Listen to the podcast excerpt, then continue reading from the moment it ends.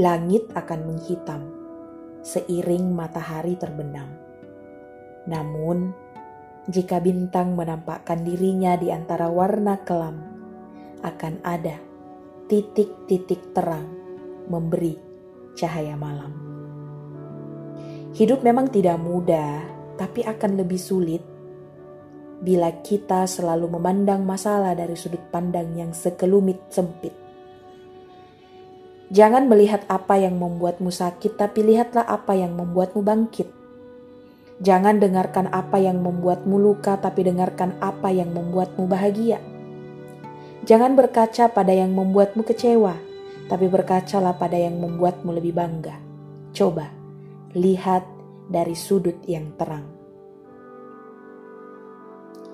Sisi-sisi positif dalam diri akan membawa kita pada hati yang lapang, karena sejengkal luka akan hilang dalam sehasta asa sedepa doa. Bermeter kita berlari, bermil kita menghindari. Jika hati masih tersekat luka, itu akan melekat. Setelah hujan, terkadang ada pelangi.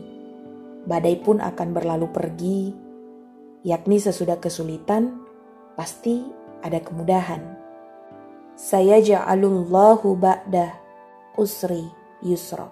Allah kelak akan memberi kelapangan sesudah kesempitan. Quran Surah At-Tolak ayat 7. Ibnu Jauzi Asy-Syaukani dan ahli tafsir lainnya mengatakan bahwa setelah kesempitan dan kesulitan akan ada kemudahan dan kelapangan.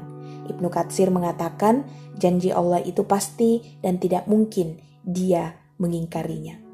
Bermanja-manjalah dengan Allah di setiap sujudmu, di setiap curhatmu, di setiap doamu kepada Allah. Terangi hati dengan zikir dan ayat-ayat Al-Quran, nasihat-nasihat kebaikan, lapangkan hatimu dengan husnuzon kepada Allah. Perbaiki prasangka kepada Allah karena Allah tergantung prasangka hambanya.